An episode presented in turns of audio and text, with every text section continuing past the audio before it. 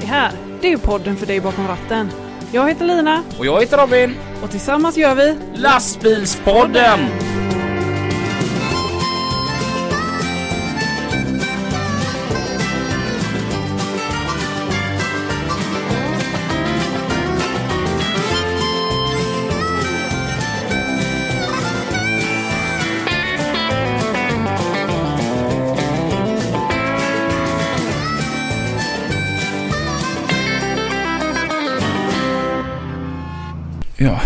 Hur ska jag göra den här gången då?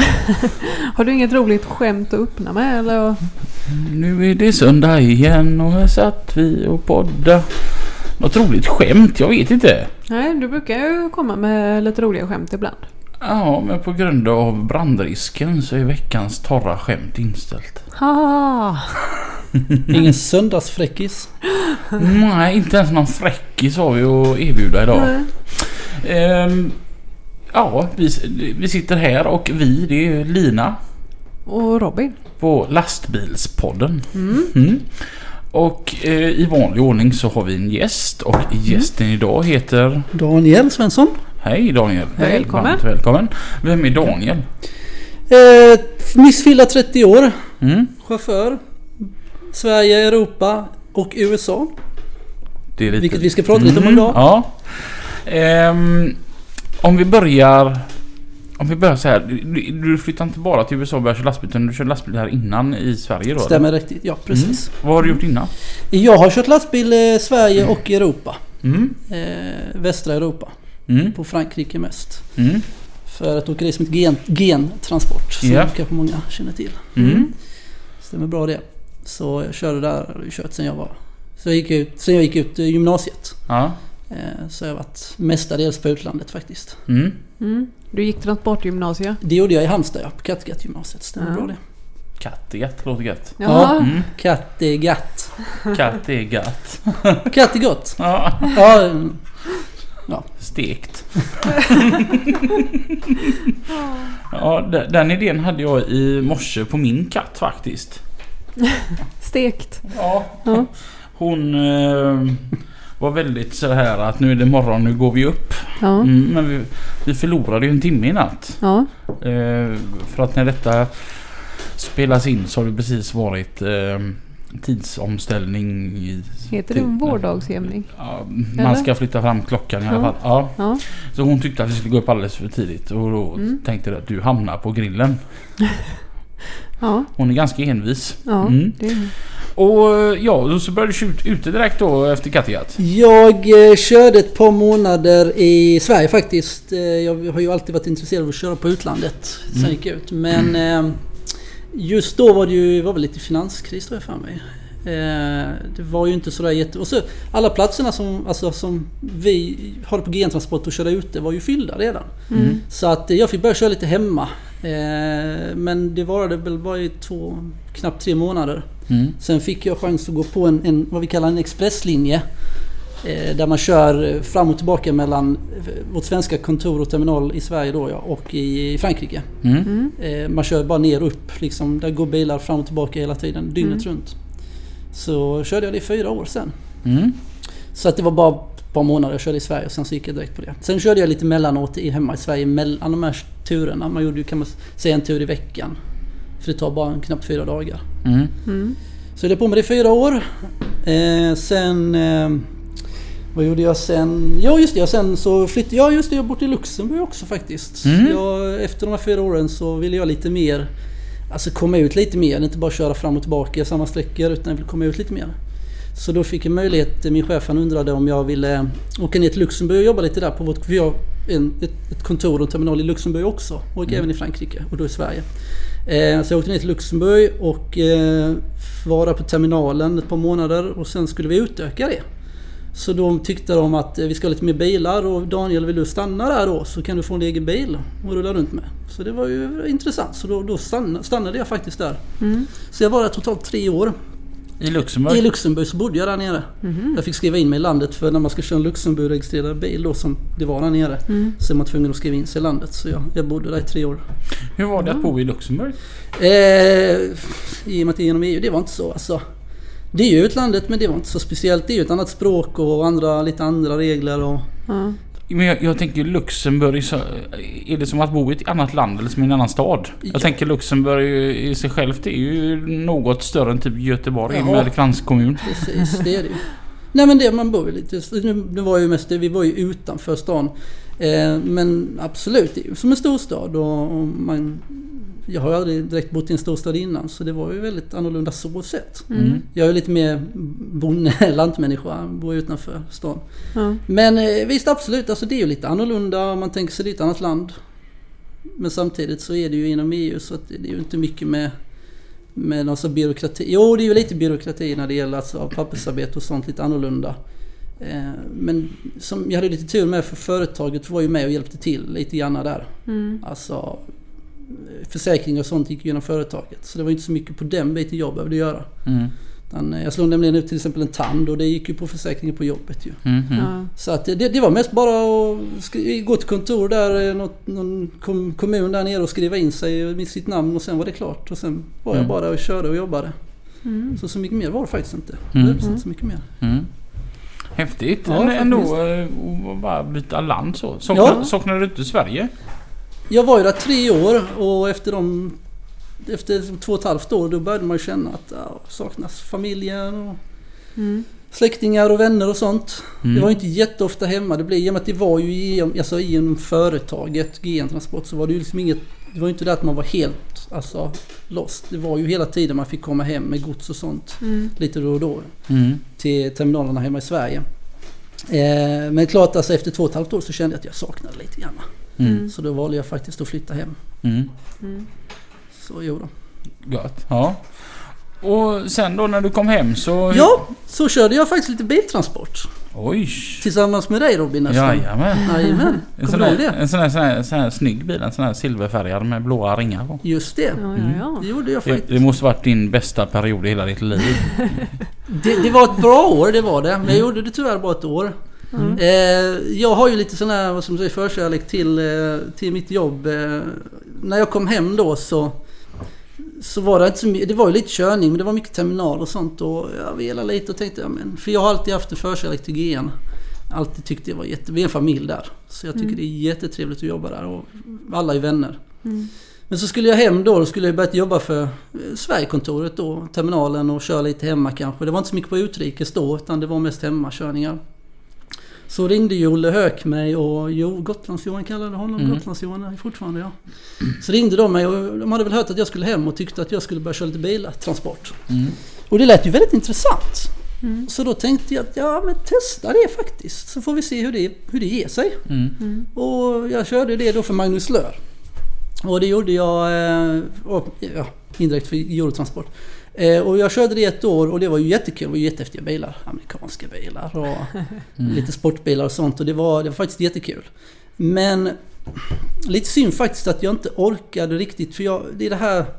Jag trivs jättebra som jag sa på GN och det var lite det här att man saknade det lite grann hela tiden. Mm. Mm. Eh, och sen så fick man höra lite att ja, fan nu kanske vi har någon plats på utrikes. Så jag vill ju gärna köra utrikes, det är det helst jag vill. Ja. Så, och då blev det att ja, men jag, jag körde ett år och sen kände jag att jag får nog faktiskt gå tillbaka till mitt, mitt före detta jobb då. Eh, för jag, jag trivdes personligen faktiskt bättre där. Mm. Men det var jättekul att testa på ett år och, och jag kommer aldrig att glömma det. Och, man brukar jämföra det. Att, att, eh, att köra bilar på Eurotransport då. Alltså, vi har ju de här um, milstolparna i livet då va. Mm. Förlora oskulden. Ta studenten. Bli förälder. Köra på Eurotransport. Ja. Alltså det... Det är så? Ja, Mhm. Okej. då är jag med i den klubben. Ja, ja precis. Jättekul ändå. Ehm, och och Ja. så fortsatte du där då på utlandet och, och köra? Ja, sen så efter Euro, eller då när jag körde lite bilar så blev det, fick, gick jag tillbaka till GN då och ehm, då fick jag rätt så snabbt där, eh, jag hade lite tur, eh, det var en, en utav chaufförerna, det är jättesynd för honom, men han, han, han klarade inte av att köra riktigt. Eh, han, han fick en lite, jag vet inte hur jag ska säga, men lite typ av sjukdom. Så han kunde inte köra riktigt fullt. Eh, s- på den, en utav, vi har två bilar som går från Sverige och utrikes just nu. Eh, och en utav dem, det var han som körde en utav dem. Och då fick jag hoppa in lite på den platsen. Mm. Och då blev det lite mer utlandskörning. Mm. Och då, det var ju liksom det egentligen jag hade drömt om att, att köra liksom. Så det, det blev jättebra för mig då. Så Mm. då körde jag det, det blev ett och ett halvt år nästan, eller ungefär. Jag körde det. Ehm, då var det ju den platsen jag ville på. Jag trivs ju också att köra vecka, vecka, alltså en vecka ledig en vecka. Och det var ju exakt det man gjorde där. Mm. Eller då körde man faktiskt två veckor och var ledig två veckor på den. Men det var sak samma, det, det rättade ut sig i slutändan. Det var faktiskt jättekul ändå. Eh, och så gjorde jag då det i ungefär ett och ett halvt år och sen så kom faktiskt eh, det upp med Kanada, att jag åkte över dit. Hur, hur kom man på det? Jo, just det och det är väl det vi ska prata lite här om idag. Eh, jag, eh, det var faktiskt bara en slump. Alltså många chaufförer här i Sverige tror jag har haft en liten dröm att åka över Atlanten och testa på det där. Mm. Men man har väl aldrig tagit det där steget. Men jag låg faktiskt i Karlstad var det nog på, jag skulle lossa. Eh, så jag kom dit på kvällen och låg i lastbilen. Eh, och eh, skulle titta lite på Facebook och då är det ju en, en där finns ett par svenskar som kör där. Eh, just idag finns det fyra. Då fanns det två. Och en av de chaufförerna, som är svenska då. En av de chaufförerna han följer jag på Facebook. Eh, Swedish Trucker in North America. Om det är någon som vill följa honom så kan man göra det. Han la nämligen ut eh, en annons från ett företag i Kanada. Att de sökte chaufförer från Europa. Eh, Så la han ut där, så jag såg det så tyckte jag att fan, det kunde vara kul och jag skulle stå och skicka in, skicka in ditt eh, resume, CV. Ja, för skojs skull tänkte jag, kan man göra det? Det kommer inte bli någonting, men för skojs skull bara. Så jag skrev upp ett litet eh, CV där och skickade in det och då fick jag ett samtal där sen dagen efter att vi kunde vara intresserade av dig. Så då fick jag en Skype-intervju med dem faktiskt.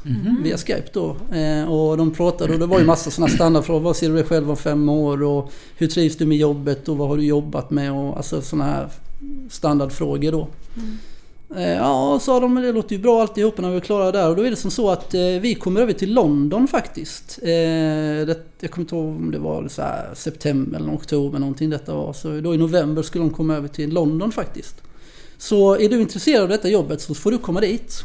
Och så gör vi liksom en, en, en öga till öga, ögon till ögon intervju då va. Så, eh, så hade jag sån jäkla tur för då, då blev det liksom, fan ska jag verkligen göra det här? Det, visst, jag kanske har ett jobb men just när man är i det läget så känns det lite oseriöst, alltså inte oseriöst så, men man vet ju inte. Alltså ett jobb över Atlanten liksom. Ja. Ska jag verkligen fortsätta med detta? Ja men så hade jag så lite tur där att vi skulle faktiskt eh, åka över på lite semester dit. Eh, utanför, ja Edinburgh skulle vi åka till Skottland. Eh, precis dagen innan de hade den här intervjun. Jag tänkte jag fan när vi ändå är på den sidan så kan jag lika gärna sticka ner dit och göra den här intervjun. Så jag gjorde det och de var jättetrevliga. Träffade chefen för det här företaget och de var supertrevliga och verkade gilla mig jättebra. Så de sa att eh, vi vill ha dig, vi vill anställa dig. Och eh, då blir det ju lite mer allvar i det liksom. Ja. Så då eh, börjar man verkligen ta sig en tankeställare. Ska, jag- ska jag liksom hoppa på det här nu? Och då var jag faktiskt inne på, hos min chef på GN och sa till. För då fick jag liksom börja med, Jag hade ju inte pratat om det här så mycket med folk utan jag ville hålla lite lugn. Men då gick jag inte med chefen och så sa liksom, ska, vad tycker du? Alltså, ska jag säga upp mig här nu eller kan jag ta tjänsteledig? Jag visste ju liksom inte vad som skulle bli av det. Ska jag liksom fortsätta med detta? Och då sa han som, eh, faktiskt han pushade mig och det var jättekul. Han sa gör detta liksom. Det är ju once in a lifetime. Ja. Har du nu kommit så här långt så bara kör liksom. Så då gjorde jag det. Och då fick man ju gå igenom en immigration, man måste ju immigrera dit. Ja. Det det, många tror att egentligen att det bara åka över, tyvärr. Men det är ju inte det, utan du måste ju flytta dit, emigrera. Ja. Så det är ju pappersarbete, det tar ju, en, tar ju ungefär sex månader innan det arbetet var klart. Så då får man, eh, får man helt enkelt, eh, man gör det över nätet. eh, Det här då, det finns olika system men jag gjorde det över nätet. Så då får man logga in på, på en speciell hemsida där då för den här provinsen dit jag skulle åka. Ja. Det är inte själva staten man liksom pratar med utan det är provinsen, det är länet som man ska i så fall åka till. Eh, så har de en, en internetsida med massa frågor, liksom hundra, nästan tusen frågor man ska svara på. Och skicka in massa dokument om sina jobb man haft och ekonomi och vad man haft ut för utbildning. Och eh, så lägger de ihop den här processen då. Det tar ju då ett par månader, nästan sex innan det var klart. Så jag fick faktiskt godkänt. Det är rätt så lätt. Jag flyttade ju till Kanada. I USA hör man ju liksom att det är väldigt svårt att åka till Kanada, få jobb i alla fall där. Ja. Eller vad säger USA. Ja. Eh, Speciellt nu med Donald Trump tyvärr. Han är ju Mm. stenhård på det. Men eh, Kanada är mycket enklare faktiskt som, som utlänning att få jobb i. Utan har man bara en god ekonomi, god utbildning och liksom ett par arbetsår bakom sig Mm. så är det väldigt lätt. Mm. Eh, och det hade jag ju. Mm. Så eh, ja, jag fick jäkla godkännande där att du, nu kan du komma över och få jobba. Och då åkte jag över. Mm. Så det, det var den processen som blev.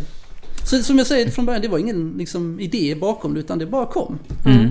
Vi söker, ja fan kan vara kul att testa. Det kommer inte bli någonting. Och sen blev det någonting. Ja, Och då känner man ju att vad fasen har jag nu kommit så här långt så bara åk.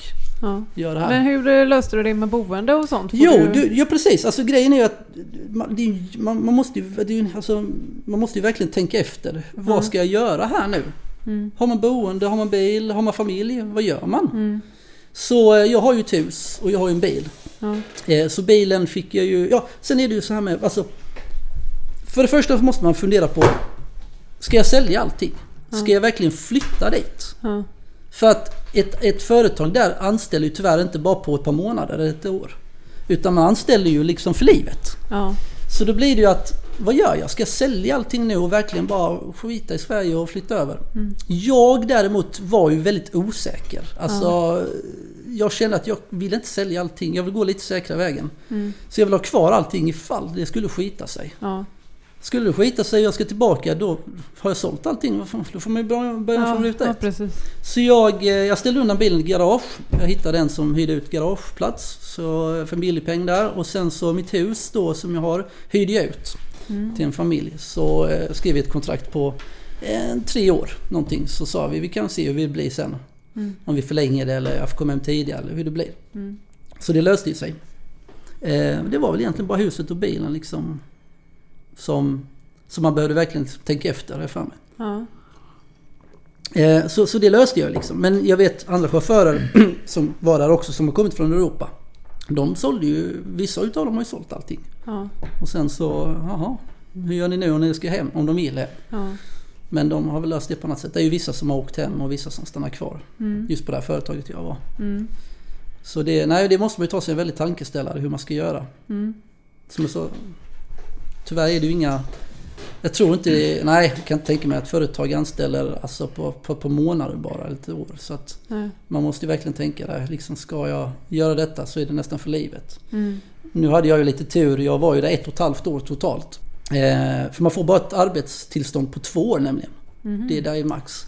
Men eh, under de två åren så får man, då är det, eh, får man ansöka om ett som kallas PR. PR, Permanent Residency. Det är ju liksom som, man blir typ medborgare i, i landet. Mm. Det, det är inte riktig medborgare utan citizenship, är ju, då är man verkligen inne. Mm. Men det tar tio år att ansöka om det och det är massa pengar och pappersarbete det med. Ja. Men PR, då, då, då blir man liksom typ inskriven i landet. Och då kan man jobba var man vill och bo var man vill. Det här arbetstillståndet, då var jag tvungen att bara jobba inom det här yrket, genom det, det företaget med. Jag var Mhm. låst liksom under de två åren till det. Ja, ja, ja. Eh, och jag, det är en lång historia men jag kände att eh, efter ett, ett och ett halvt år var jag där och det kändes faktiskt som att det räckte. Jag, jag tycker det är lite synd. Jag ville gärna stannat där mer egentligen. Mm. Grejen är att man får verkligen tänka efter för det är personligt. Alltså, vad är man för person? Vad har man bakom sig? Har man ett bra jobb bakom sig? Har man en bra familj? Eller har man en familj? Har man bra vänner? Har man hus, bil? Har man allt det där jätte, som fungerar jättebra hemma i Sverige? Om man vill göra en sån här resa så kanske det är liksom en... Man får göra ett par år. Och sen så kanske man får, åka- vill åka hem i så fall. Mm. Och då måste man som jag säger deala det med, med eh, företaget. Mm. För de, när man kommer dit så vill de ju att man ska flytta dit permanent. Mm. Eh, Så eh, jag hade ju lite tur att jag, jag hade ju en så, så pass bra chef och jag gjorde ju, tycker jag, ett jättebra jobb där. Mm. Jag var ju aldrig för sen eller någonting och jag kom jättebra över- överens med chefen. Eh, Så efter ett och ett halvt år så sa jag att jag, jag trivs nog egentligen bättre i Sverige. Det blev en grej för mig att jag, jag var där. Och sen så kände jag att nu är det, nu är jag jättenöjd faktiskt. Mm. Jag hade inte riktigt den där känslan att jag ville flytta dit Nej. permanent utan jag har ett jättebra liv här bakom. Mm. Sen kanske man kan lyckas alltså, stanna där ännu längre om man känner att jag har inte något bra jobb. Jag har ingen familj direkt. Mm. Då, då har man ju mer in- initiativ liksom att fan, vara där liksom. Fortsätta där. Mm. Under kanske 10 år eller 20 eller flytta dit permanent liksom. Mm. Men det är det att man, jag, eller jag då personligen kände att jag ett och ett halvt år tyckte jag det räckte faktiskt jättebra. Mm. Då har jag varit där och fått uppleva detta och gjorde den här upplevelsen. När du då eh, skulle sätta dig på flyget och åka över. Hur, hur var känslan? Ja, Var det, nervös. Herregud. det var pirrigt. Grejen var ju så här med att eh, jag fick ju faktiskt inget arbetstillstånd innan jag åkte över. Och Jag, jag var, det här var faktiskt en, det här blev en historia. Jag trodde ju att man skulle få ett arbetstillstånd. Alltså man gör den här immigrationsprocessen och sen får man ett arbetstillstånd liksom i handen. Och så, för att när man flyger någonstans så är det ju egentligen oftast ett, man åker på ett visum, ett turistvisum. Ja. Men jag ska ju inte åka dit för att turista, jag ska ju åka dit för att jobba. Så jag ska ha ett arbetstillstånd i handen. För man, man vet ju, speciellt i Kanada och USA, det här med tullarna, liksom, de ska Ja. in i länder, de är ju stenhårda på det här. Och jag vill vara lite seriös med, jag vill inte bara åka iväg hux flux, utan nej, det här ska vara ordning och reda.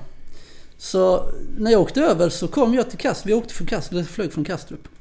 Gjorde jag och eh, hade liksom med, eller mejlat min, de här företaget och frågat är allting okej nu liksom? Har jag alla papper? För jag visste inte riktigt hur arbetstillståndet ser ut. Jag hade ju fått några papper liksom. Och det trodde jag, that's it, nu är det bra liksom. Och de sa att allt var fri- frid och fröjd och nu är det bara att åka. Och så kom jag till Kastrup och då så... eh, Då säger de personalen där att du har ju inget giltigt visum att komma till Kanada. Jo, säger jag har de här papperna, jag har ett arbetstillstånd och det är här jag ska dit och arbeta. Nej, nej, nej, säger de, du får inte åka. Så jag fick faktiskt vända hem. För Jaha. de ville inte släppa på mig på planet. De sa jo, de sa du kan faktiskt få gå på planet sa de. Men när du kommer till Kanadens, Kanada, till tullen där, så kan jag garantera dig att de vänder dig. För du, du har ju inget giltigt visum att komma in i landet. Ja. Ja, så fan, det trodde jag att det var okej liksom. För jag hade ju ändå mejlat två, tre gånger med det här företaget och liksom, är det nu okej? Ja, ja, allt är okej, sa de. Ja, alltså det var ju bara att vända hem igen ju. Och detta var på en söndag tror jag faktiskt. Så måndagen fick jag ju ta tag i det här och undra vad, vad är det som är problemet? Ja. Och då visade det sig att eh, jag hade ju inte fått något arbetstillstånd. Utan det får man tydligen när man kommer till kanadensiska tullen. Alltså när du ska åka in i land, när du kommer till Kanada, till flygplatsen i Kanada, Toronto då, som jag åkte till. Det är där du skriver ut ditt arbetstillstånd. Ja. Så att jag måste ta mig dit och sen den, nu, den, den informationen har inte jag riktigt fått. Nej. Så att jag var tvungen att ansöka om ett, om ett turistvisum. Jaha. Och när man ska ansöka om det så ska man helst ha en återresa. Ja. Eh, Så det var ju lite krångel där så att eh, ja, det var ju liksom, ja, vi försöker väl igen då. Men då var jag väldigt nervös för det här, nu- då kändes det liksom, vad fasen är detta? Ja. Alltså, finns det verkligen företaget? För det blev väldigt, eh, lite oseriöst. Ja. Men nej, så skulle det vara tydligen. Så jag testade igen. Och jag kom till Toronto, jo, jo men, in till tullkontor där, Immigration Services. Ja. Fick sitta där och vänta. Han gick igenom papperna där och han var lite rolig den här killen för att han tittade på papperna och så sa han nej jag vet inte vad detta är för någonting. Och så säger jag men jag har fått här av företaget att jag kommer hit, jag har de här dokumenten och från de här dokumenten så ska du kunna skriva ut ett, ett, ett arbetstillstånd för mig. Ja, ja okej gå och sätt dig så var han borta en timme eller sådär och då kände jag nej alltså där, nu är det ju skit sen åker jag hem igen. Men men han kom tillbaka med det här pappret då, arbetstillståndet. Och då var det frid och fröjd.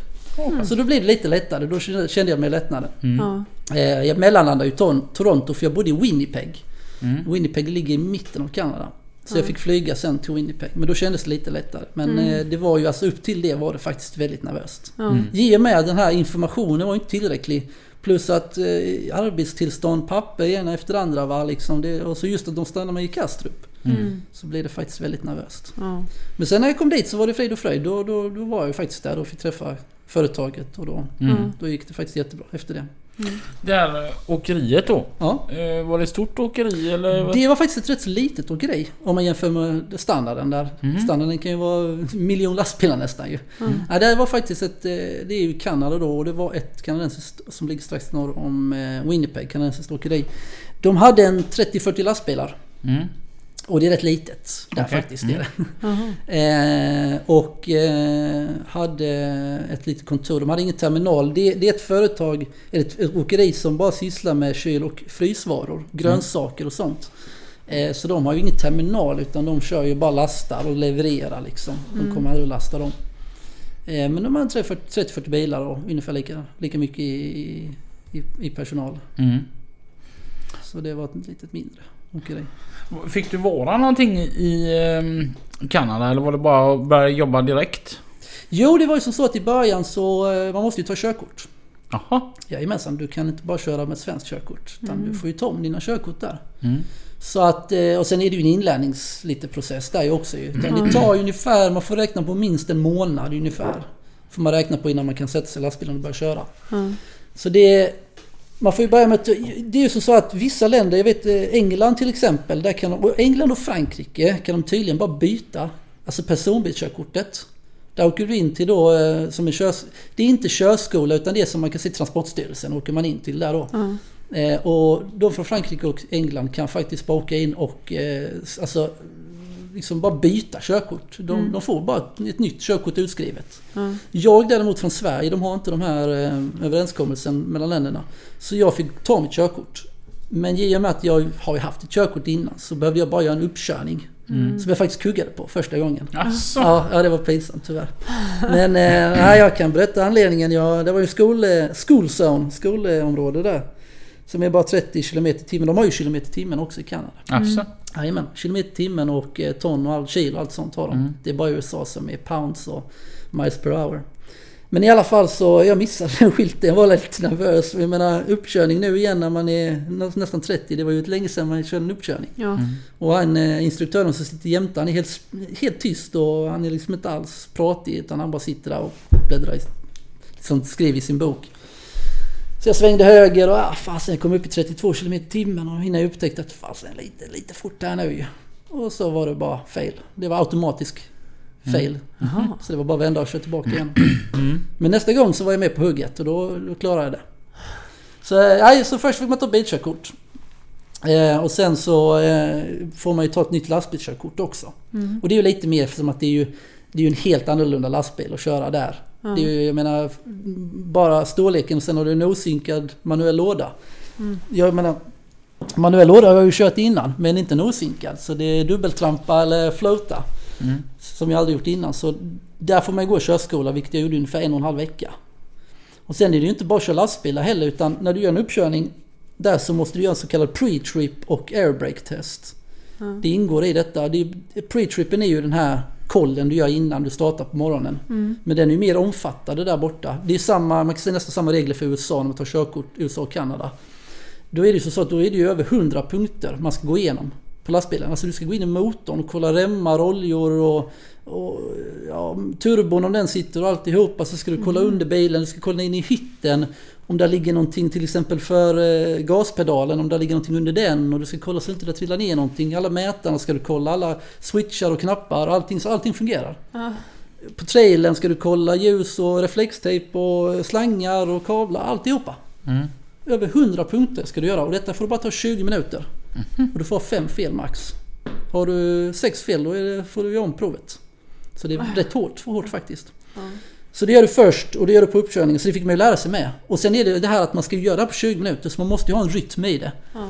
Eh, och så veta vad man pratar om. För jag menar, en generator kan jag på svenska. Men vad fan heter det på engelska? Ja. Alternator. Mm. Det kunde, ja, jag kunde ju det då men man får ju lära sig de här nya orden med ju. Ja. Så det tog ju ett tag innan man kom in i det där då. Mm.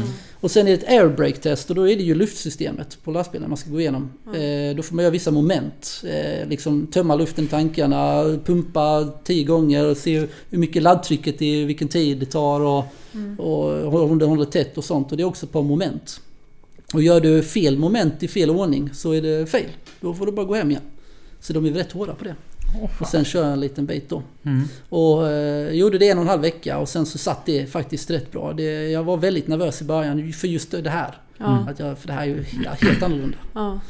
Eh, men det betalar också, det betalar också företaget så det, det, man får ju, vissa företag har ju det där när man tar in från utlandet att vi betalar körkortet för dig och det gjorde de.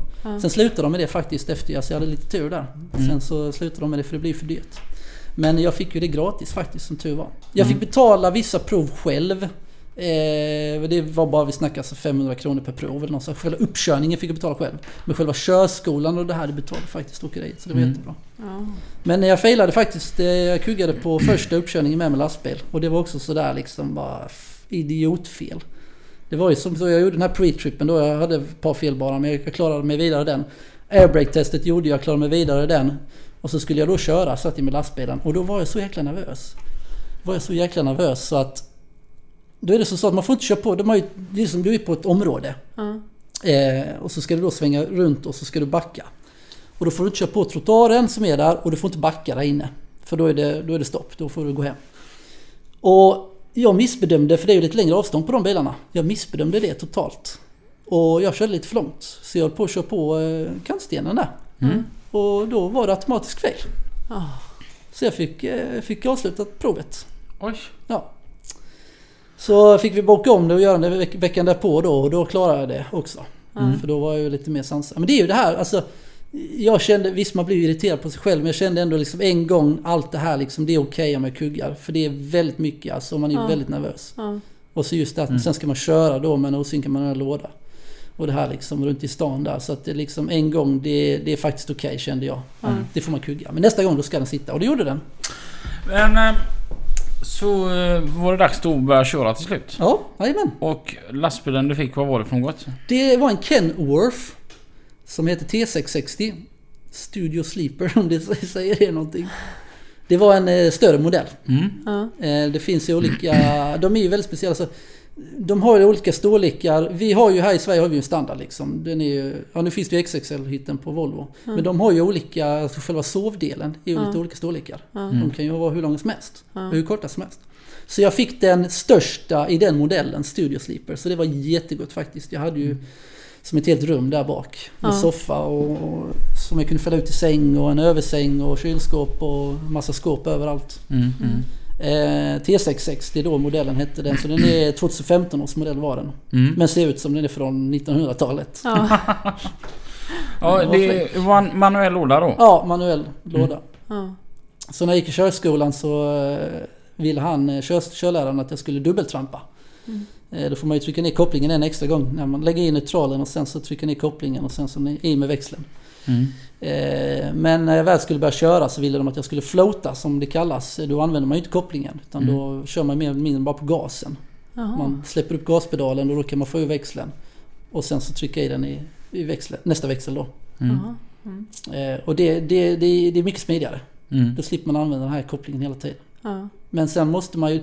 Alltså växla upp tycker jag, det var inga konstigheter. Det lärde man sig väldigt fort Ja. i de här lådorna. Eh, Det går väldigt mycket smidigare än man håller på här hemma i Sverige till exempel. Mm. Med en synkad låda. Det är när man ska växla ner sen. Som det är lite krångligt kommer. För då måste man ju räkna på varvtalen. Mm. Många chaufförer här som har kört, som har kört i liksom 30-40 år. De har ju kört sådana här osynkade lådor förr, förr, Mm. Eh, de vet ju om det. Man får ju liksom mer och mer räkna vad man, vilken, vilket varvtal man har när man går ur växeln. Mm. Och sen så får man trycka upp gasen lite grann, trycka på gasen lite grann så man får upp varvtalet. Sen kan man peta i växeln. Mm. Mm. Och det tyckte jag att det, det funkar ju men det, det, det är mer titt på varvtalsräknaren. För jag hade lite svårt för det att känna det, alltså få magkänslan över det. Ja. Det är mer, då får man hela tiden fokusera på den här varvtalsräknaren istället för att fokusera på vägen som man ska göra. Ja. Mm. Så ja, jag tycker det är lite, lite annorlunda det där. Det är lite speciellt. Mm. Hur fort får lastbilarna gå där borta? De får gå hur fort de vill nästan. Jaha. lastbilar som körde om med 130-140 säkert. Va? Jo, jo, visst herregud, de bara blåste ju om. Och jag körde ändå 105 km i timmen. Jag är lite osäker på reglerna, men Kanada har nog lite mer eh, att det ska vara mer fartspärrar på bilarna. Mm. De vill helst ha det. Så Ja. då är de, eh, jag tror, då är det 105 km i timmen, hade mitt företag i alla fall. Ja. Mm. Fartspärrar på. Eh, så 105 km i timmen kunde jag köra. Ja. Mm. Och jag hade ju ändå lastbilar som blåste om mig. Jag hade ju fasen bilar med ADR på. Mm. Som blåste om mig. Ja. Jag hade, kommer ihåg en gång jag hade en, en, sån här bredtransport med något hus på. Som blåste om mig. Jag fick gå ut i vägrenen nästan. Och han, han, han indikerar ju inte på att nu kommer jag. Mm. Utan han bara blåste om. Så jag fick ju liksom, oh jäklar, ut i vägrenen. Ja. Så ja, de är helt otroliga där alltså. Men vad körde du mellan? Så då, då körde jag mellan då Kanada och USA. Mm. Som jag sa, det var ett företag jag körde för som ett åkeri som körde frukt och grönsaker. Och det är ju mycket frukt och grönsaksodlingar i Kalifornien och Arizona Ja. i USA. Så det är ju där jag var mest på, det är ju på västra sidan. Vi var aldrig på östra sidan New York och där, för där är det inte mycket sådana odlingar. Utan det är där nere. Så de, de kör uteslutande på västra USA. Ja. Så då lastar man någonstans i Kanada, eh, Winnipeg och västerut. Bort mot Vancouver. Vi, var inte bort, vi var inte i Vancouver, men bortåt där. Åt de delarna. Och sen är det ner till Los Angeles, eh, eller Phoenix, Arizona och runt omkring San Francisco och där. Och sen, Hur, hur långt är det? det är en strax över 3000 kilometer. Mm. Det tar eh, med lastbilen där, i och med att det går lite fortare och du får köra lite längre så tar det ju... Eh, det beror på, men som Winnipeg jag bodde i så tar det ju ungefär 3 tre och en halv dag. Mm. Bara körning. Tar det. Och så öppnar dörrarna och så av med skiten och så åker man till nästa ställe och lastar och så är Ja. det 300 mil hem igen. Precis. Och det var lite det också jag kände att... Eh, det blir lite, lite segt i längden faktiskt. Jag är lite, gillar lite det här ut och banda och hålla på med, med gods och långgods och pallar och även bilar liksom. Man får ut lite grann. Det, det, man får lite mer gjort då. Här är det ju, och USA har ju bara, alltså de har inga öppningsbara sidor. De har ju inga gardinceller nästan. Det finns men det är inte ofta man ser det. Utan det är ju bara stängda skåp, bakdörrar. Så det du gör det är att du kör, backar till, väntar oftast i bilen till och med. Ett par timmar. Sen kör du dina tre, fyra dagar kanske om det är lite längre. Vilket det var någon gång. Det beror på lite vad du ska här, var du kommer ifrån. Och sen så backar du till och öppnar dörrarna då. Och så bara backar du till och så väntar du. Och så upp och ner, upp och ner, upp och ner, upp och ner. Fram och tillbaka hela tiden. Ja. Så det blir lite vad säger, monotont eh, till slut. Eh, det här. Faktiskt. Ja. Som det, det här yrket då som jag körde, det, det, man får ha lite... Trivs man med det så är det ju skitbra. Mm. Jag vill ha lite mer så det, efter i längden blir det lite långtråkigt faktiskt. Hur var kör och vilotiderna i USA? Mycket Eller bättre än Kanada? här. Det, fin- det finns ett par olika saker just med USA och Kanada som är bättre än här. Och Mm. just kör och vilotiderna är en utav dem. I Kanada får du köra 13 timmar oavbrutet. Inte en enda rast. Va? Jajamän. Okej. Det är bara att gasa. 13 timmar. Eh, 13 timmar får du köra oavbrutet på en 14 timmars arbetsdag. Okej. Och eh, sen ska du hålla 10 timmar dygnsvila. Och helgvilan är 36. Nej, jo 36 timmar. Är helgvilan på. veckorna. Eh, och på en vecka, eh, här i Sverige har vi ju 56 på en vecka och 90 har jag för mig på två veckor. Mm. Där har du bara en vecka 70 timmar. Oj. Och sen så har du gjort din helgvila där så är det 70 timmar igen. Okej. Så det är Kanada. Det är ju, Kanada har ju en typ av regel och USA har en typ av, av regel. Så man, fick, man får ju anpassa liksom Mm. var man är någonstans till vilken regelverk man ska följa. Ja. I USA då ska man köra, då är det 11 timmar man får köra på en dag. Men efter 8 timmar måste du ha en 30, 30 minuters rast. Inom en 8 timmars period. Men gud. Jajamän. Så det, är- det är mycket bättre tycker jag. Ja. Är Visst, det bättre absolut. det tycker du? Jag tycker det är bättre där. Okej. F- Visst absolut, många påstår ju det. Många påstår ju det att eh, det, det är ju bra det här med alltså att man har... Vi har lite mer 4,5 timme, 45 minuter. Det blir lite mer att du ska vila nu. Jag tycker ju att våra regler är ju bra egentligen men det blir ju lite mer, de säger ju till när du ska sova och de säger till när du ska vara trött och när du ska gå på toa. De- De blir ju lite mer att du ska... Nu Ja. ska du vara trött. Ja. Där var det lite mer, där bestämde jag själv. Ja. Vilket jag vill göra. Mm. Nu är jag trött. Och hemma i Sverige, här eller Europa, har vi ju det här också. Men om du då stannar efter tre timmar och så får du lite mer 45 minuter. Ja, då, då är du inne på en ny period ju. Det, det, I slutändan blir det lite jobbigt det här för att pussla ihop det. Där var det ju mer att där kan jag köra tre timmar och så kan jag stanna en timme. Det inkräktar inte på den nästföljande Ja. perioden. Jaha, ja. Mm. Utan jag kan mer i slutändan så mm, rätar det ut sig mycket enklare än vad det är här i Sverige. Så att, nej, ja, ja, det blir ju det att man kör det liksom tills man var lite trött. Och så stannar man och sen så körde man igen. Mm. Det blir lite mer, som jag brukar säga, harmoniskt i det. Ja. Vad tycker du har varit den största skillnaden, den största chocken du har fått liksom mellan eh, Sverige och Kanada? Har det varit någonting som har varit Ka- väldigt svårt Kanada att anpassa sig är ju, Kanada är ju, det är ju ett helt annat land men det är ju lite likt Sverige ändå alltså. Ja. I, i, sättet och tankarna, tankarna och lite, eh, mentaliteten är lite mer likt Sverige. Mm. Alltså den stora skillnaden är ju, är ju ekipagen och även i USA är det också samma där men det är ju, det är ju vägarna är ju större, allting är ju större där. Ja. Större ytor. Mm. Så det, det, det är faktiskt någonting man verkligen tänker på. Det är ju alltså timvis du kör. Ja. Men är det något som har varit väldigt svårt att anpassa sig till? Nej, inte så faktiskt. Eh, I början är det ju lite jobbigt. Ja. Eh, Man, man har ju en hel del man ska anpassa sig till i början. Men när man Ja. väl har gjort det i några veckor så känner man att det här, nu sitter detta. Ja. Så att, eh, nej, utan, nej faktiskt inte. Nej. Utan det, det, det fungerar. Det, för mig i alla fall så kände jag att ett par veckor sedan så sitter det. Ja. Men vad gjorde du när du inte körde, när du var ledig? Ja, det är ju det att jag hade inte mycket ledighet. Eh, som tyvärr var. Eh, man måste ju se det som att fritid har du inte mycket där. I alla fall inte i början när du jobbar där. Utan det är som så att man har ju ett liv i lastbilen. Ja. Tyvärr har du det. Det är ju inte lite som här. Här har vi ju kanske en vecka, du kör en vecka, du är ledig en vecka. Eller du kör ett par dagar, så är du ledig par dagar. Mm. Där är det minst en månad du, ligger ute i bilen. Ja. Och sen kommer du hem och då måste du vara hemma bara kanske två, tre, max fyra dagar. Ja. Sen måste du ut igen. Ja. Och det har lite att göra med pengarna. Ja. Du får ju betalt bara per mil där. Ja, du får ju betalt på lossning och lastningsställe också, men alltså gör du inte ett jobb så får du inte betalt. Ja. Och grundlönen där, i alla fall som när man är ny, när man kommer dit till landet, så är den rätt så låg. Mhm. Så då känner du lite tyvärr pressen att kör inte jag nästan varenda dag, max, Mm. så får inte jag några pengar i slutändan. Då har inte jag råd att betala om man vill ha kanske lägenhet eller något sånt hus eller någonting. Då har jag inte råd råd att betala det. Ja. Så många som åker dit, de, de har ju inget boende eller någonting utan de tar in på hotell och motell när de är lediga. Ja. Eller så är de, tar de ledigheten när de jobbar. Ja. Helt enkelt att nej nu tar jag en, en dag ledigt extra. Ja. Så mina veckor, jag, tog ju, jag var ute en månad, alltså nästan en och en halv månad var jag ju alltid ute och körde. Mm. Ja. Och tog de här 36 timmarna ut med vägen och det blev ju min ledighet. Ja. Och då var det ju oftast, hade man, det beror på var man kom. Ja. Kom du bara till ett truckstop mitt ute i ingenstans, då var det där du var. Ja. Sen var det vissa gånger man försökte, i och med att vi körde då till Los Angeles, så kunde man kanske stanna där någon gång. Eller som vi körde ju alltid förbi Las Vegas. Så var jag där ett par gånger. Eller i någon annan stad. Så man kunde liksom kanske göra det. Det var ju jättespännande. Ja. Men efter ett år så då blir man rätt trött på det. Ja. För när jag åkte dit så ville jag ju också ha kanske lite mer... Jag kör gärna månad i sträck. Men då vill jag kanske vara hemma en vecka. Ja. Och så vill jag känna liksom att man kan göra det och ändå tjäna någorlunda bra med pengar. Ja. Var jag hemma en vecka då förlorar jag ju nästan halva lönen. Jaha. Mm. Ja. Kändes det som i slutet. För, Ja. och sen är det som så att de betalar ju också per två veckor. Som vi hade vet förr hemma. Du får ju två veckors jobb. Ja. Och för mig blev det helt fel faktiskt. Ja. Det kändes som att man bara fick en halv lön. Så det hela tiden, man fick hela tiden spara pengar. Och visst det går ju om inte man har så mycket utgifter. Men ändå Ja. så får man ju ha mobil och jag känner att jag vill inte bo i motell eller hotell. Utan jag vill ha ett liten, lite boende. Ja. Så jag hade en liten lägenhet inne i stan där i Winnipeg. Som Ja. jag delade faktiskt. Så vi fick lite billigare dela med en annan. Ja. Eh, Men då var ju ändå lite utgifter. Ja.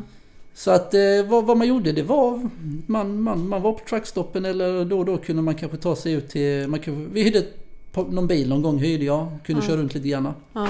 Men eh, truckstoppen där, de är lite annorlunda. De är lite annorlunda ja. De är, Det finns mer att göra antar jag. det, ja det finns det lite mer. Alltså de, här, som här i Sverige är det ju... Finns ju ingenting här i Sverige nästan Nej. tycker jag.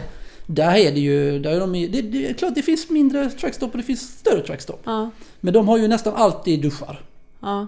Ja det har de alltid. Och sen är det ju nästan alltid tvättstugor. Som de har. Det är ju jätteskönt. Ja. Så man kan tvätta.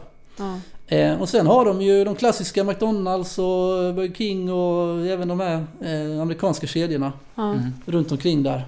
Och eh, rätt ofta så låg de ju vid hotell eller motell. Mm. Men skulle du då säga att lönen är lägre att köra där borta än att köra hemma? nu är det ju så här med, som jag har lite otur, att eh, nu var jag ju i Kanada. Och om man jämför den valutan så är den ju mycket lägre än den svenska.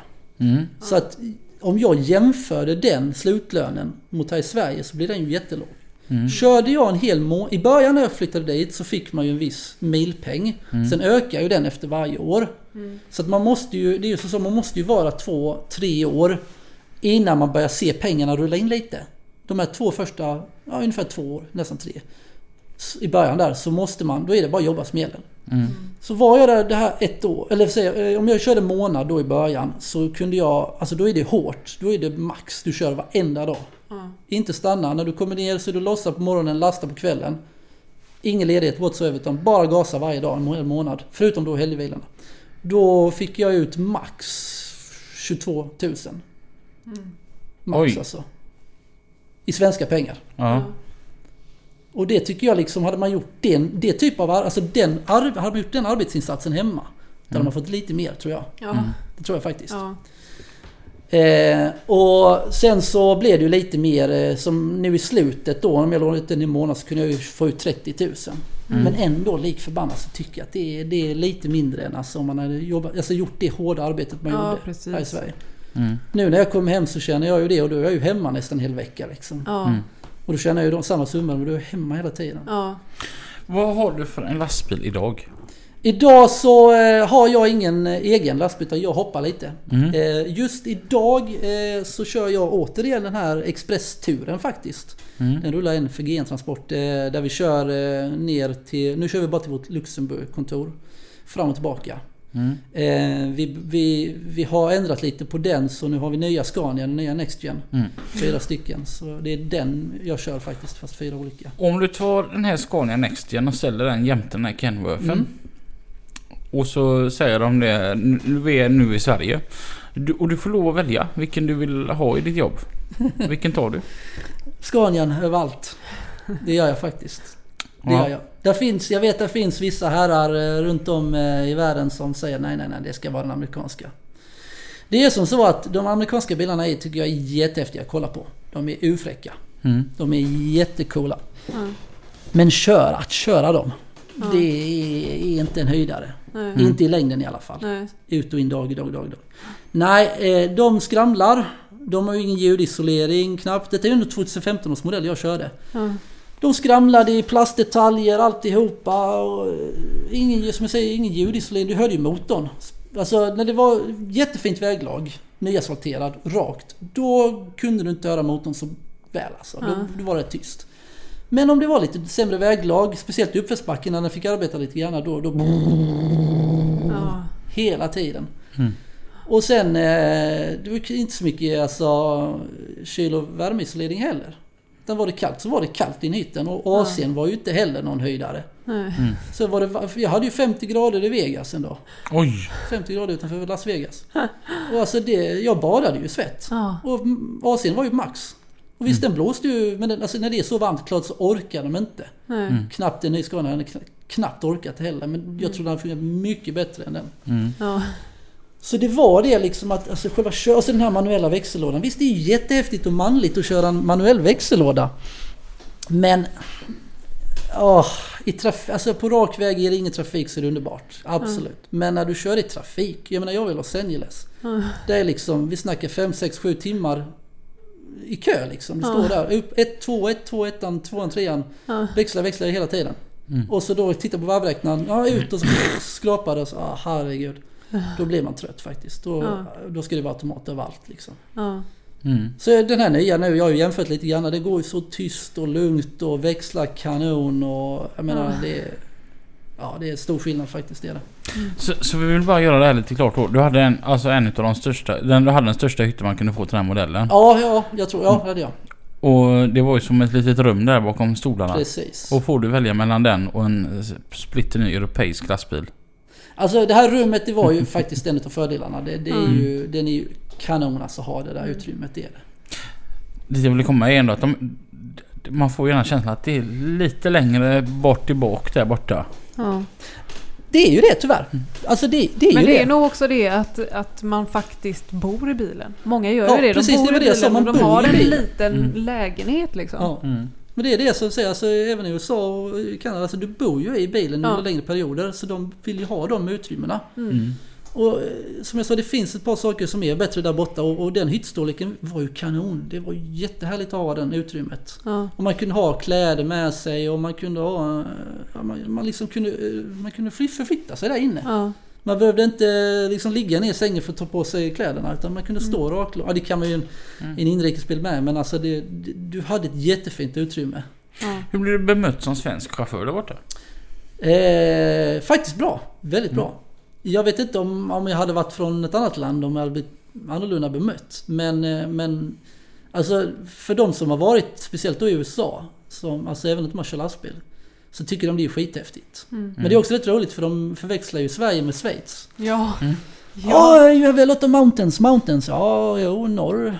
Vadå, North? Så börjar de fundera. Ah, take about Switzerland. Ah, Switzerland, ja. Så det fattar de inte. Men, men de är väldigt trevligt folk. Ja. Är de faktiskt. Mm. Och eh, om jag säger att jag är från Sverige så tycker de det är jättehäftigt. Mm. Mm. Och eh, det är alltid oh, beautiful girls. Ja. Beautiful girls. Blond Ja. är det ju alltid. Ja. Så det, och sen brukar jag säga ja, Ikea och sånt där liksom. Volvo is from Sweden. Ja. Och det är ibland, vissa fattar det, ibland vissa fattar de inte. Mm. Men eh, nej, man blir bra med bött, blir man faktiskt. Ja. Eh, Måste jag bara säga, när- när jag körde på Europa, det roligaste gubben jag träffade. De flesta så här det var ju den här, ja, Volvo Ikea. Ja. Det, det var ju liksom så, Mm. det blev mött någon så ABBA liksom. Ja, just det, Abba med. Ja, Ja. men, men så var jag i Ungern och, och träffade någon, någon gubbe där på ett truckstopp och han var ju själv ungrare då och körde inrikes.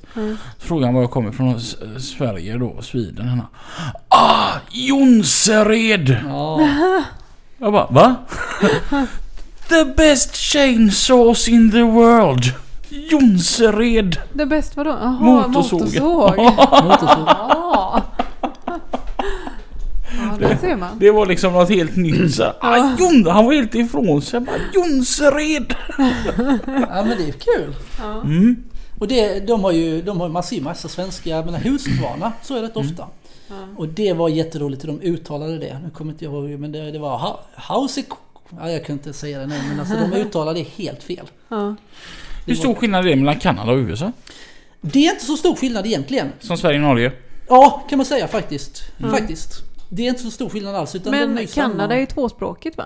Just det, eh, de har ju mycket franska med. Ja. Men franska, det pratar de mest runt Quebec. Ja, I okej. den staten. Ja, ja, ja. Eller provinsen som det heter där. Mm. Eh, där jag bodde i Winnipeg, där var det ju bara engelska. Men, men, men. De hade ju eh, faktiskt på franska också. Ja. Jag tror det är någon lag att de måste ha, alltså... Om vi säger du ringer telefonsvarare. Mm. Så ska det både vara på engelska och franska. Men de pratar nästan bara Men utslutat. ja, för att jag tror de är tvåspråkiga. Mm. Eh, och de får lära sig franska i skolan och precis. sånt där. det Eh, får de. C'est parti! Oui, oui! ja, bonjour. Typ. Arrivederci! Italienska. Precis. Jo men det, precis, de är ju det. Men som sagt, det, det alltså mest i Quebec och runt där, där pratar de bara franska. Där pratar de knappt engelska.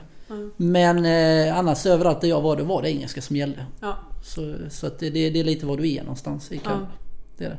Och sen, men sen har du ju även i USA, det är också egentligen tvåspråkigt. Det är ju spanskan. Ja. Kommer du söderut som runt Los Angeles och där, om du kommer in i affär så kan de säga "Hol- hola. Jajamän, det vet jag. Jag var ju i Miami här i, i vintras. Och eh, det var ungefär som att åka till Spanien. Mm. För att alla kunde spanska. Precis. Eh, och många kunde engelska men inte alla. Nej. Gracias. Ja men typ. Mm. Städpersonalen kunde ju inte engelska. Nej, precis. Utan, de är ju eh, nästan alltid mexikanare eller... Ja, mexikanare är det för de pratar spanska. Ja. Ja, det är, det är otroligt faktiskt. ja. Så det- Au revoir! Det- wow, ja, är Där kom den! Så är det. Men eh, hur kom det sig att du till slut bara, nej. Ja, det var ju lite en blandning utav saker. eh, Jag, som sagt, som jag sa i början, jag, jag, hade, jag har ju ett väldigt bra liv i Sverige. Mm. Det är ju det. Jag har ju, bra, jag har ju ett hus, jag har en bil, jättefin bil. Ett Jättefint hus. Jag har ett bra jobb där jag tjänar bra pengar. Jag är som en familj. Jag har släkt och vänner alltihopa. Jag har väldigt mycket som drar mig tillbaka. Ja. Eh, och så, så liksom det var ju aldrig idén egentligen från början att åka dit, att flytta dit. Utan jag kör det här ett par år och så får vi se liksom. Jag vill nog Ja. tillbaka igen.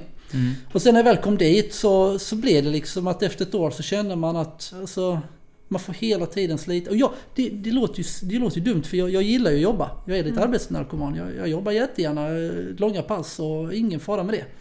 Och många dagar. Men när man jobbar och jobbar och kör så långt och så den här lastbilen som rasslar av sig. Ja. Så blir man väldigt trött i, alltså inombords. Man, Mm. man, man, blir lite deppig till slut. Ja. Eh, för man, så börjar man, hela så såg man lönen och så bara, vad fan hade jag...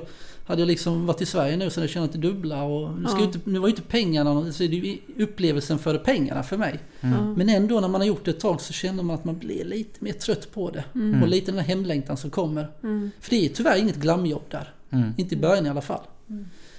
Så att det, det var en liten blandning av saker liksom att eh, hemlängtan, eh, lite bara, bara jobba, jobba, jobba, inget privatliv och sen blev man lite trött på hur de, alltså, hur de hanterar också saker. Alltså, mentaliteten är ju lite annorlunda när det gäller åkerierna alltså, och företag. Jag menar jag får ju knappt gå in på vissa ställen och de lastar åt den och Ja. hade ju tjafs hela tiden om liksom, lastvikten är ju det, det absolut viktigaste du har där. För du har ju vågstationer i USA och även Mm. Kanada. Är det inte rätt där så då är det ju stopp. Ja. Du måste ju vara rätt vikter liksom. Mm. Ja. Här i Sverige och Europa kan man ju nästan komma undan med det här är ju inte så ofta alltså, kontroller. Ja. Så här kan man ju ha lite över på driven eller någonting men det kan man inte där. Så det är ju väldigt noga. Och vissa ställen fick du inte gå in på till exempel. Där lastade de åt den och jag vet ett par gånger som jag, ja, men godkänner du att du, du lastar rätt nu? Nej det gör jag inte sa han. Nej. Ja men om jag kommer till vågstationen här uppe, eller ja vågen. Man får alltid köra till en våg efter man har lastat så man vet liksom. Ja. Och jag är för, för tung då liksom. Ja då får du komma tillbaka så får vi lasta om. Ja men jag vill ju gärna slippa det problemet. Gör vi rätt från början så Ja. liksom det här svenska tänket lite grann. Ja. Vi gör det rätt och vi gör det rätt från början. Mm. Nej nej nej så tänker inte de där utan blir det fel så får du göra om liksom. Ja. Så det var en kombination av allt som jag kände att ett och, ett och ett halvt år får räcka. Eh, som sagt, det här för, jag fick ett arbetskontrakt på två år, sa jag ju. Och hade vi egentligen velat och fortsätta, alltså köra de här två åren ut. Och sen vill jag, vill jag nog komma hem. Och eh, sen var det ju så att nu åkte jag ju hem i september förra året, alltså innan jul, innan jul och innan vintern då. Eh, vintern, jag upplevde ju en vinter där och det är ju ingen fara, men den är ju hård. Men det där är ju minus 35, nästan minus 40 grader. Och det känns som minus 50 till och med. Alltså windchill som det heter. Eh, och snö överallt och sådär. Och det är ju ingen fara, jag är ju svensk viking ju, så att det klarar jag ju. men eh, jag kände lite sådär, men då är det lika bra att åka innan, innan vinter liksom. Ja. Jag klarade en vinter och det, ja, det fungerar ju. Men samtidigt så, som vi sa, det är ju tillbaka i tiden. Jag fick ju hela alkohol i ledningarna där och sådär. För minsta lilla gick det över 10, 10 minus så, så frös ju bromsarna på trailern. ju. Mm. Så det var ju liksom, det, det är ju lite tillbaka i tiden, det är det. Ja. Alltså det var en kombination av allt liksom. Innan vintern, eh, jag hade lite hemlängtan och så. Och då kände jag att nej men nu har jag gjort ett och ett halvt år. Jag har varit där och upplevt detta och tycker jag gjorde ett jättebra jobb när jag var där. Mm. Så då, nej, nu kom jag hem. Sen var det lite så, så med på, på just på GN. Eh, liksom, jag hade ju jobb där. Jag fick komma tillbaka till GN Transport gärna och vi har lite, eh, vi håller, eller, vad ska man säga, vi, vi, har, vi skulle liksom ändra om lite grann och sådär och det var kul och vi bygger en ny terminal och sånt. Så det var lite kul att komma tillbaka i det här läget också. Mm. Eh, För det händer lite nya grejer hemma liksom. Så, så det var det det. Ja. Men det har ändå varit en bra upplevelse. Absolut, det var en av de bästa Du ångrar upplevelserna. dig inte? Det gör jag inte, nej. Det Nej. gör jag inte. Nej. Absolut inte. Men det var fräckt ändå att gjort det. Mm. Ja, det är det faktiskt. Det är ju no, det är som, som du säger, mångas dröm att, att komma över. Mm. Och testa på. Eh, En annan har ju också tänkt tanken många gånger. precis. Mm. Att det hade varit häftigt. Ja. Jag trodde ju hade tröttnat eh, fortare än efter ett år. Ja. Ja men jag är ju så hemmakär. Ja. Och, ja. All, alltså alla mina vänner och, Ja. allt detta. är Ju, jag hade inte kunnat ta steget. Nej. Jag hade aldrig kommit så långt. För att jag behöver tryggheten nära. Ja. Du hade kunnat åka dit och köra en vecka för skojs skull. Mm. Ja. Och typ betalat för det. Ja, absolut. Ja. Det, det hade jag gjort. Ja. Men är det någonting som du hade velat ta med dig därifrån hit? Hade ju gärna sett att köra vilotiderna var lite, lite bättre här. Eh, lite mer som där. Ja. Eh, kanske inte fungerar men eh, jag, jag gillade det att man kunde mer styra över eh, sig själv när det gäller att köra vilotiderna. Ja. Sen eh, absolut som jag säger hytten var ju rätt fin att ha den här lilla större hytten. Ehm, och så just alltså klimat. Ja vintern var som sagt den är ju hemsk. Men just det här klimatet eh, där borta. Jag har ju varit på semester innan. Jag älskar att vara borta på semester. Som du vet som du var i Miami sa du. Det är ju ett annorlunda, det är en annorlunda känsla. Ja, det är varmare och Ja. Just i USA, de har ju så mycket häftiga grejer. Ja. eh, Alla restauranger och det är mycket mat och häftiga butiker. Och Jag tycker om det. Mm. Så det är mycket sådana grejer som visst absolut hade varit kul att ha hem. Hur var det att komma hem? Ja, ja, ja, det var ju väldigt annorlunda. Det- Alltså, det kändes lite som att man har kommit hem från en väldigt lång semester. Känns faktiskt som. Eh, så det, det var ju den här känslan efter... eh, Man har varit iväg på en solsemester, speciellt under vintern. Man är iväg på en solsemester och kommer hem så är det den här gråa, trista känslan ju. Så det var ju lite det där. Men jag kom ju direkt in i jobbet och... och så det, det, det jämnade ut sig rätt så snabbt faktiskt. Men det var, det var den här känslan att jaha, nu är jag hemma igen efter semester. Då, är det verk, tillbaka till verkligheten lite grann. Hur var det att hoppa in i en europeisk lastbil efter att du Ja. Det, Ja. var, det var lite annorlunda faktiskt. Eh, I och med att man har ju motorhuv i, i USA där. Så eh, första bilen jag körde det var ju en eh, 25-25. Och det är ju, jag menar det var ju bara trailer och jag menar jag har kört 25-25 meters innan ju. Men just det var väldigt nervöst faktiskt. För man, just, just det här med att, just det, hytten med där man sitter och kör är ju lite mindre. Du sitter liksom längre åt höger. Mm. Vi, våra bilar är ju lite bredare när det gäller kördelen. De sitter lite mer ihopklämt. Så att vad, vad jag, om jag, jag kom alltid ut för långt till höger så kom jag ut för långt till vänster. Mm. Så det, det, var lite jobbigt. Och så just den här liksom att du inte hade motorhuven. Jag sa, fan jag kan ju köra lite längre fram. Innan jag börjar svänga. Mm. Mm. Men det, det, som sagt, det sitter i ryggmärgen så det tog ett par dagar. Sen var, det, sen var man hemma igen liksom. Men det var, det var annorlunda, det var det. Mm. Och så automat med liksom. Man vill, under en månads tid så tyckte jag ju på kopplingen. Den alltså Mm. osynliga kopplingen. Mm. Ja, ja, precis. Ja just det, just det, det är inte kopplingar. Och speciellt också, eh, de, de gillar att ha det här äldre stuket inne, inne i lastbilarna, instrumenten. Så det är mycket knappar och sånt och mycket mätare. Ja. Som, eh, eh, vad heter den, eh, cruise controlen eh, var ju på knapp på instrumentbrädan i Mhm. Amerika. Mm. Så varje gång jag skulle sätta på farthållaren hemma i Sverige så började jag ju förflytta mig ner med fingrarna där. Ja just det, när jag sitter i ratten nu ju. Ja. Mm. Så det, ja, det var ett par saker som man fick vänja sig med. Skulle du göra om det? Jag skulle göra om det. Absolut. Det skulle jag göra. Eh, nu vet jag lite mer vad det är för någonting. Så nu vet jag lite mer vad man kan liksom, vad man är ute. Och, ja, jag skulle, och jag vill jättegärna åka tillbaka. Ja. Inte, alltså... Lite som ni pratar om en vecka. Mm. Eller en, en, vecka är lite för lite egentligen. En, en månad. Ja. Två kanske max. Ja. Skulle jag absolut vilja göra igen. Det, det, var, det var faktiskt väldigt kul. Tror du att du kommer göra det?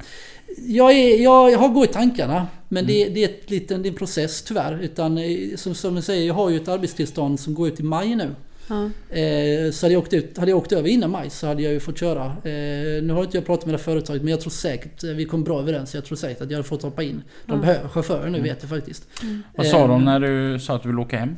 Jo, det var ju det var ju lite pinsamt. Eh, just det här liksom att de anställde, det, det visste jag ju innan, de vill ju att man ska flytta dit ju. Eh, Men redan innan jag åkte dit så checkade jag lite med dem eh, liksom, hur länge vill ni att man ska vara hos er liksom? Ja vi vill ju helst att du ska liksom, det är ju en fem, minst fem år liksom vi känner. Men så sa de att om du är här runt en två år och gör ett bra jobb så, så är det okej om du går vidare.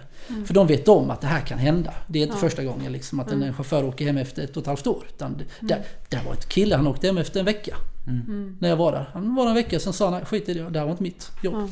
Så då vet jag om det.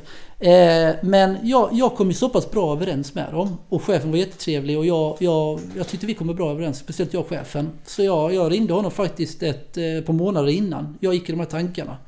Så, så sa jag kan vi ha ett litet möte? Så jag gick in och så sa jag det liksom att, eh, sa jag som det var att eh, jag är lite sådär om jag skulle vilja åka hem nu igen här. Om ett halvår eller något, eller det var nog fyra månader innan. Att jag börjar fundera lite grann här nu snart. Eh, liksom, ja, tog den diskussionen med honom innan och det var han jätteglad över. För han sa att det är ju chaufförer som har bara lämnat in nycklarna. Hej då. Mm. Nej, så han tyckte det var okej, helt okej liksom. Att nu har du varit här och du har hjälpt oss och du har varit jätteduktig så att det är helt okej. Mm. Så, så jag var nervös men det, det, det, det kändes bra. Sen vet ju inte jag när, han, när, vi, när vi vände ryggen mot varandra, han kanske svor över mig. Det vet jag inte men jag tror inte det. För att vi kommer börja jättebra över- överens. Eh, så nej jag tror faktiskt, eh, jag, har inte, jag skulle vilja ringa honom. Jag, har- han, har inte, han har inte varit tillgänglig bara men jag ska ringa honom igen. Mm. För eh, maj går ju mitt, som jag sa, mitt arbetstillstånd ut. Jag kommer inte kunna åka, är ju Corona med så kommer jag absolut inte kunna, kunna åka över innan maj. Mm. Men jag skulle jättegärna vilja åka i slutet av detta året. Eller får jag ta det nästa nu, det beror på Corona här nu. Men att, att åka över en sommar. Mm. Och ta en månad, två månader. Mm. Eh, jag skulle jättegärna vilja, men då är det ju som så här att då måste jag förlänga mitt arbetstillstånd. Mm. Och det är en process som eh, är rätt jobbig tydligen. Okej. Ja. Eh, Men jag håller på ska börja kolla lite på det och se hur jag kan lösa, om jag kan lösa det. Mm. Eh, Och sen får man prata med företaget med om man kan få hoppa in. Mm. Eh, Och så det här med körkorten med om det håller sig. Det, det är massa som måste man få ihop där vet du. Men eh, Mm. ja, jag går i tankarna faktiskt. Det gör jag. Vi har Kalle som sitter och lyssnar där just nu. Han sitter på E20 någonstans i landet. Skaraslätten kan han precis se bort över krönet. Där borta. Ett rådjur hoppar över vägen. Jag börjar känna mig som Fredrik Sjöblom här och springa iväg. Han funderar. Hade det varit roligt att åka till USA eller Kanada och köra lastbil? Ska jag göra det? Eller har jag det lika bra hemma? Han har lyssnat på lastbilspodden här nu. De har lite sämre betalt där borta. Jag kanske ska vara kvar här. Vad säger du Daniel? Jag säger att eh, man får verkligen eh, tänka vad vill jag? Alltså hur känner jag personligen? Man måste ta det här alltså, kollen först. Vad är det jag vill? Mm. Vill jag testa det här? Men då får man vara med på att som säger att det kanske inte är det bästa. Alltså, man får inte tänka på att det här, jag kommer tjäna multumpengar. Utan man måste verkligen Hur gör jag nu? Har, Vad har jag bakom mig? Mm. Har jag hus? Kan jag hyra ut det? Kan jag sälja det? Mm. Och, och känner man att nej men herregud det här vill jag verkligen göra och jag kan klara av det här med allt det jag har bakom mig. Då tycker jag definitivt att man ska testa det. Mm. Men sen är det ju också, då måste man ju också hitta ett företag som vill anställa dig. Och det finns faktiskt en hel Mm. Jag vet inte hur många men det finns några som anställer. Det, det behövs chaufförer det där med. Ja. Så det tycker jag. Men man måste verkligen alltså, rensaka sig själv. Eh, personliga liksom, vill jag ta det här steget? Mm. Mm. Och så får man tänka liksom med det, hus och, och villa och, eller vad, vad man nu har liksom. Mm. Hur gör jag med det? Kan jag, kan jag lösa detta? Mm. Innan vi avrundar dagens program så vill jag först säga tack för alla de fina bilderna som du eh, gjo- gjorde till oss på Instagram där. eh, Just det! När du var över mycket med... Just det. Man såg mig och dig med en amerikansk lastbil bakom. Och mycket, du, det hade du verkligen talang för att ta riktigt coola bilder. Jag tyckte de inte blev så bra men ja tack. Ja, det, det var riktigt coolt. De går att se under hashtag lastbilspodden. Mm. Eh, och så var det en grej till Mm. Som jag skulle säga. Ja. Som jag bara tappar nu. Ja. Helt jättemycket och kommer vara jättearg sen när jag kommer på det för att jag Mm. glömde. Jo! Kom du på det? Ja. Vad hette han på Facebook där som man kunde följa? Just det. Eh, eh, A Swedish Trucker in North America. Kan man ju gå in och kolla på. Tror jag nog att det är... Ja, man, ja, North Swedish Trucker in North America så kommer man hitta det. Ja. Ja. Sen finns det faktiskt en kille till där. Vad jag vet så är det eh, nu tre svenskar där. Mm. Nej, eh, fyra blir det. Mm. Jag var den tredje som kom dit och när jag åkte hem så kom det över två till. Mm. Eh, så där är ändå han här han heter Patrik. Sen har du en som heter Christer Gustafsson. Mm. Som också kör där. De har både, den ena har varit där fem år, han har varit där tio år. Som har en jättecool Peterbilt. Eh, en egen bil, han är owner operator. Det är den andra med faktiskt. Eh, han är Swedish Trucker. Eh, och sen är det två stycken som eh, kör. Det är en man och en fru som jobbar för det företaget jag körde för också. Mhm. Som kom dit en månad innan jag avslutade där. Och de heter, jag tror det är Mackan och Erika. Om man söker på dem så kan man också hitta, de har blogg. Så Ja, det kan man det här har med. jag sett någonting om. Ja. Något par som gör. Har du det? Ja. Mm. För de jobbar ju för det företaget jag körde för. Okej, de kom ja. dit samtidigt, Mm. eller när jag stack. Coolt. Så de har en blogg där man kan följa dem också. Grymt! Mm. Så vad jag vet så är det de nu. Eh, jag tror bara det är de svenskarna. Mm. Sen har inte jag hört någon annan svensk där faktiskt, var borta. Häftigt. Du Daniel, tusen tack för att du kom hit och delgav lite från eh, dina upplevelser ja, tack, på andra tack. sidan. Mm. Och till er där ute. Kör försiktigt. Så hörs vi nästa vecka igen. Det ha det bra. Hejdå. Hej då.